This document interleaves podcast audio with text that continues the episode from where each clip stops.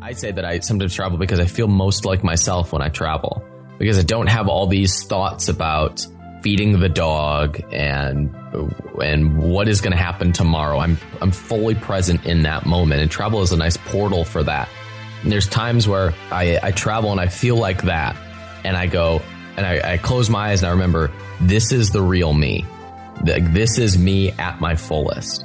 And if we don't exercise that regularly, we might forget.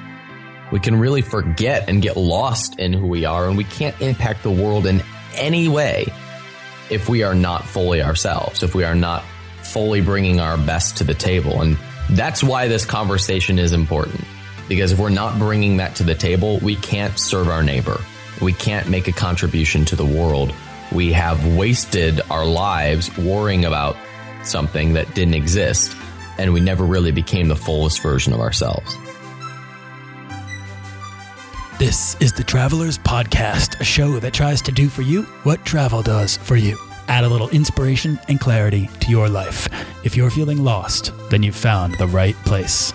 The Travelers is produced by Holocene. Rewrite the story of your life using travel and creativity in an eight week online program and year round membership community at holocene.co. That's H O L O C E N E dot C O.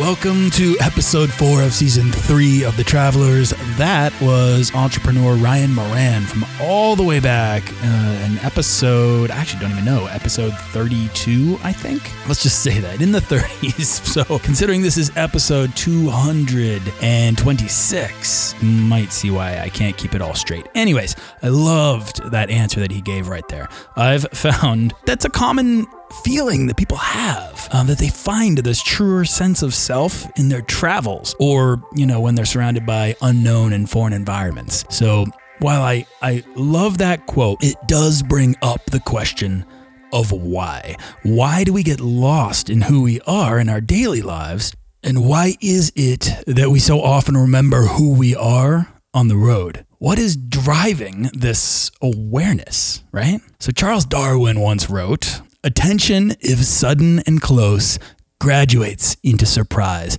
and this into astonishment, and this into stupefied amazement. So, this is how curiosity works. When you choose to follow curiosity, you enter a four stage process into a brand new world beyond our, your own borders and back again to yourself. And only if you're truly paying attention, you'll gain a renewed sense of who you truly are. So, for the next three episodes, we're going to explore the next stage in Holocene's transformative experience framework curiosity. First, we'll explore what curiosity is, some of its benefits, and why it's so important. And then in the next episode, we'll explore a curiosity driven life of travel. And then I'll go into how to avoid the pitfalls uh, of curiosity and how to apply it to your life so that you can benefit in the same ways. So, what is curiosity? Okay, curiosity is the second act of transformative experience after resistance.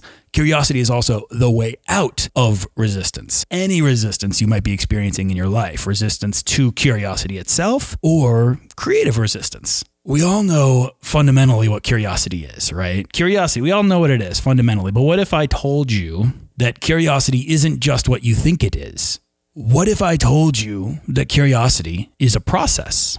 In fact, it's a four stage process, but we won't get into the four stages of curiosity that lead you into a new world and back because that would take way too long. We don't have that kind of time on this uh, recording, but we will explore curiosity in broad strokes. And if you want to go deeper and learn how to use curiosity to overcome resistance, find new and unlimited passions, broaden your horizons, get profound meaning from your travels, and turn them into lasting transformative experiences, then you're going to want to be a part of Holocene's maiden voyage traveling the self. Uh, we set sail in a few weeks on a year long adventure to explore your inner map, find new areas, and expand the territory it covers. On this podcast, though, I will reveal to you that once you do choose curiosity and use questions to overcome resistance. Then you will quickly find the first stage of curiosity is wonder.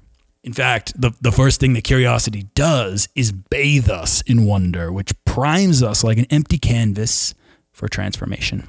I once had a friend, he was a coworker, in Boston who was about to be paid by our employer to fly all the way to Australia for work. Um, I'd never been, uh, and he he I so I was looking at his opportunity and I was thinking, man, this is, this is so cool. Uh, he's going to be put up uh, and have plenty of time to explore, and he could do the work that he loved, which was uh, videography and filmmaking. Um, but he'd be doing it down there, and I was so envious of the opportunity. And I remember asking him if he was excited to go, and I couldn't believe it when he said no. He, he just shrugged, and I'll never forget what he said. He said, I'm just not a very curious person.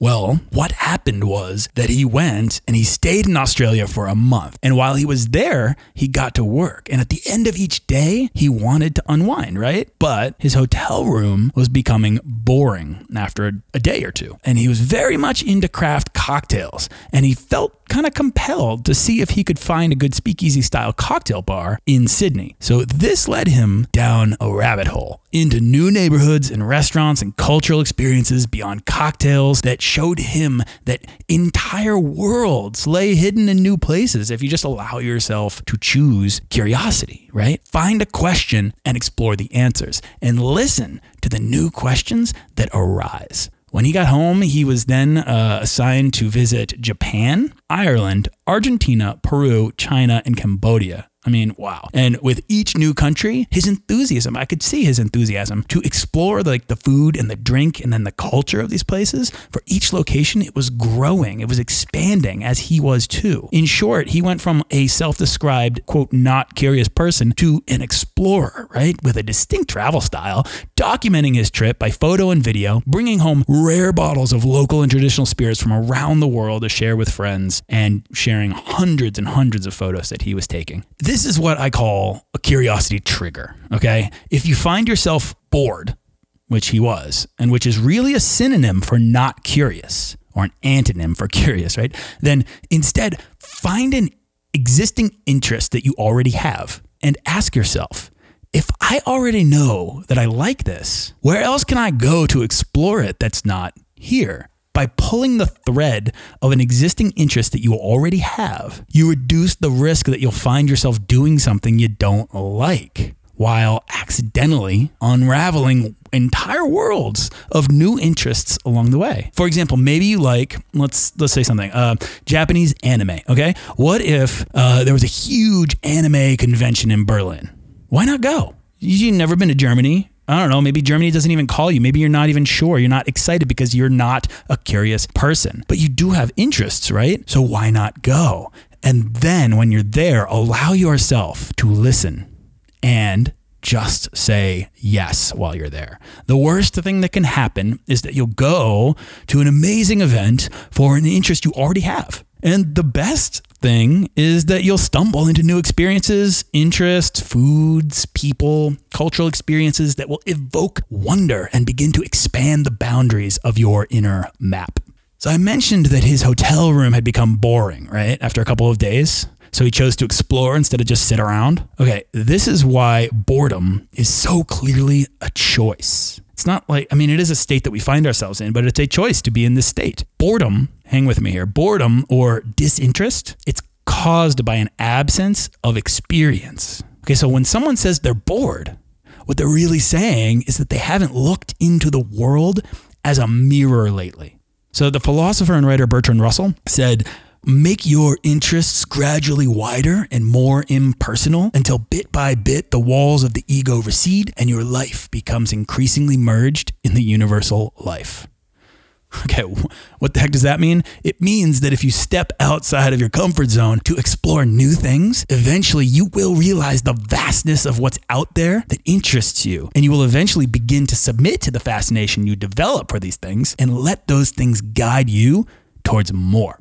I often say that this is a podcast about exploring the world to better know yourself and turning yourself inside out to better know the world. Well, the first part of that, exploring the world to better know yourself, is the process of curiosity. And spoiler alert, but the second part of that is creativity, but we'll get into that in a few episodes. Curiosity is like peering into a mirror. Okay? travel is a mirror, as travel writer Don George said on this podcast. And if you haven't listened to that two part interview, it's one of my favorites that I've ever done. His perspective on the creative process and how his curiosity and his travels have inspired his work is so cool to to dive into. So I would encourage you to go back and listen to those episodes if you get a chance. But he he said on this podcast, and I, uh, it, it, this is like words that changed my life. When you find a mountain before you, so too do you find that mountain within. And when you wander down a dark alleyway, so too do you wander down that dark alleyway within. You might have heard me say that before. Travel is a mirror. And like a mirror image, it's just an inversion. It's a it's a, a reflection. That's what interests are. Interests are reflections of our personalities, right? So curiosity is sort of pulling back the curtain like a piercing of the veil, a tour guide, okay, to follow into a world of clues about yourself. And so given all of that, Curiosity is then an innate thing that we all possess, yes, but also a process that we go through. Maybe that's starting to become a little clearer now. The, the process of curiosity can be triggered by an interest, and then it begins. Curiosity triggers lead us into experiences of curiosity. it's an ever widening portal, right? On the other side of which hides your truest self. It's that travel self, that clear and inspired version of yourself that you seem to only find when you depart your routine life and surround yourself with things of wonder. Curiosity is a like a transitory stage, an initiation into a bigger transformational experience, and it leads you to new states of mind, being, self, and identity. And we're really unpacking that today, right? So then curiosity is the process of exploring outwards to better know yourself. It's like shining a light on the parts of yourself you never had a chance to explore before. And those parts are infinite. Your inner map is infinite and only limited by the amount of time you're able to dedicate to exploring it. Curiosity is where possibility waits for you to acknowledge its presence. Joseph Campbell said, We must let go of the life we have planned so as to accept the one that is waiting for us. Well, curiosity is the pathway towards that life that's waiting for us. So many guests on this show have said that they fell in love with travel because it made them feel more alive. Well, this opening up to the world is a form of awakening or coming alive. And that's exactly how it feels like finding the experience of being more alive.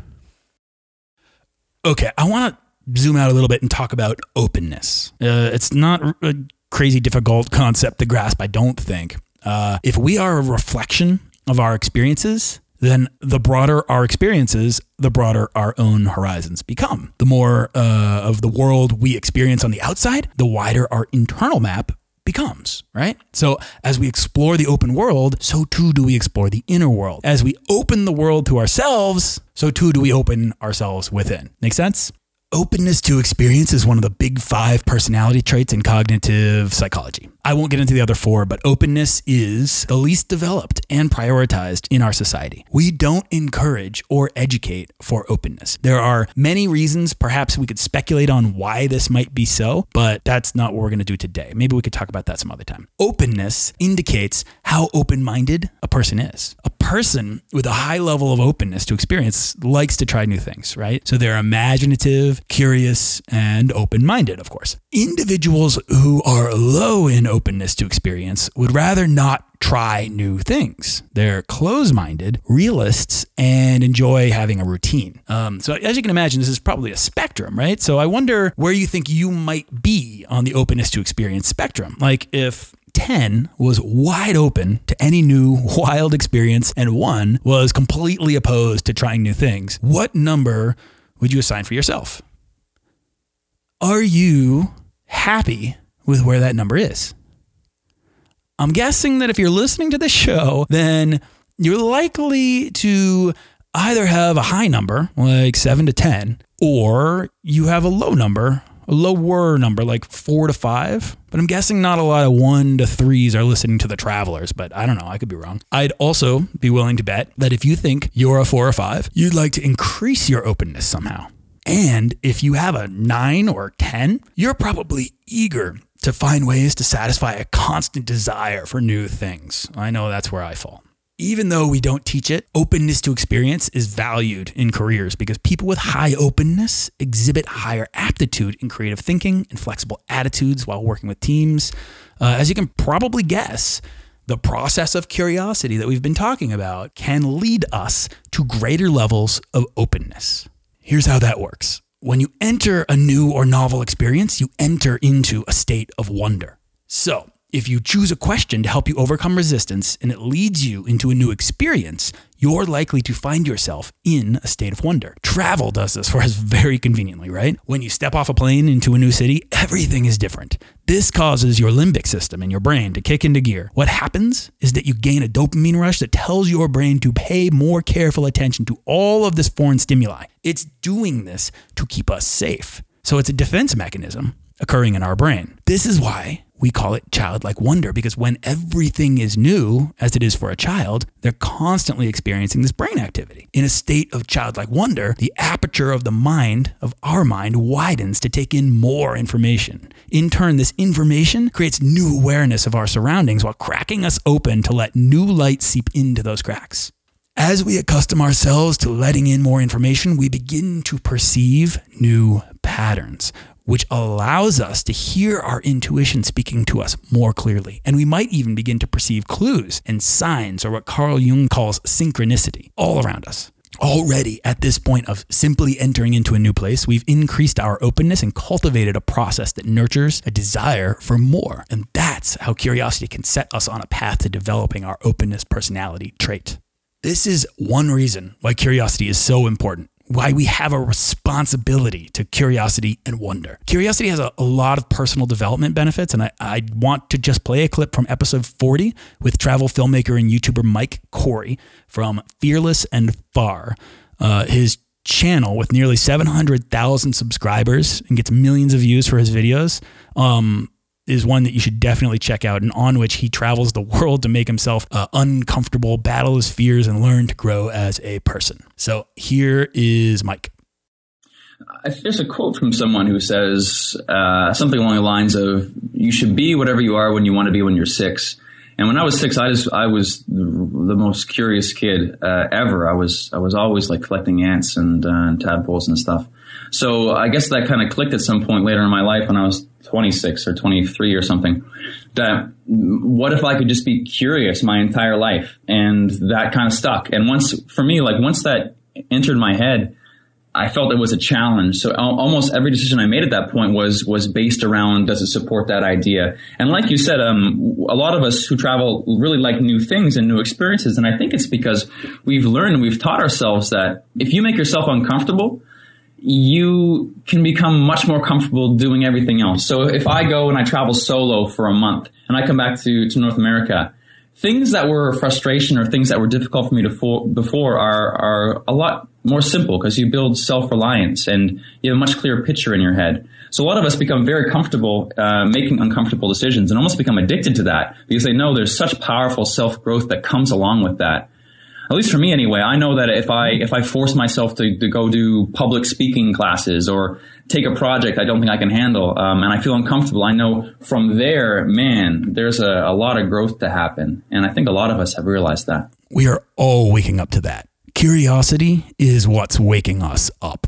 It leads us one question at a time to new states of mind, governed by new modes of thinking, and helps us increase our levels of openness to experience. As we become more open, we become better creative problem solvers, more flexible in our approach to life, and more connected to our intuition. Curiosity helps us let go to forget, if only for a moment, the things in our lives that hold us back, constrain us, or weigh us down. It replaces these negative thought patterns with a greater connectivity to the world and a greater presence in the current moment and to our surroundings, a better understanding for different perspectives, values, and ways of life, and increased empathy for others. Curiosity, when applied properly, has a beautiful, like supremely beautiful way of not only deconstructing our ego, but cracking us open so that new light might seep into those cracks. It shakes that snow globe in which we live and forces us to make sense of the new and dizzying reality around us. It trains our brains to find new pathways of thought, and it gives us a chance to discover new interests, which are new facets of our identity for us to explore, without which we would never fully know ourselves. And I think it's a tragedy that people so often go through life never fully realizing all of their possibility. A lot of people say that we have to travel to find ourselves, but I don't think that's what we're after. I believe we travel to uncover new and better versions of ourselves, to become the best version of ourselves, because we have a responsibility to be ourselves and bring that person to our lives, our communities, and the world. And we can't do that, not fully, without curiosity. In the next episode, we're going to break down another case study, a curiosity case study, uh, to explain how one woman not only listened to her curiosity, but applied it to her life to broaden her horizons and create the life of her dreams. And we'll break all of that down. So don't miss that next time.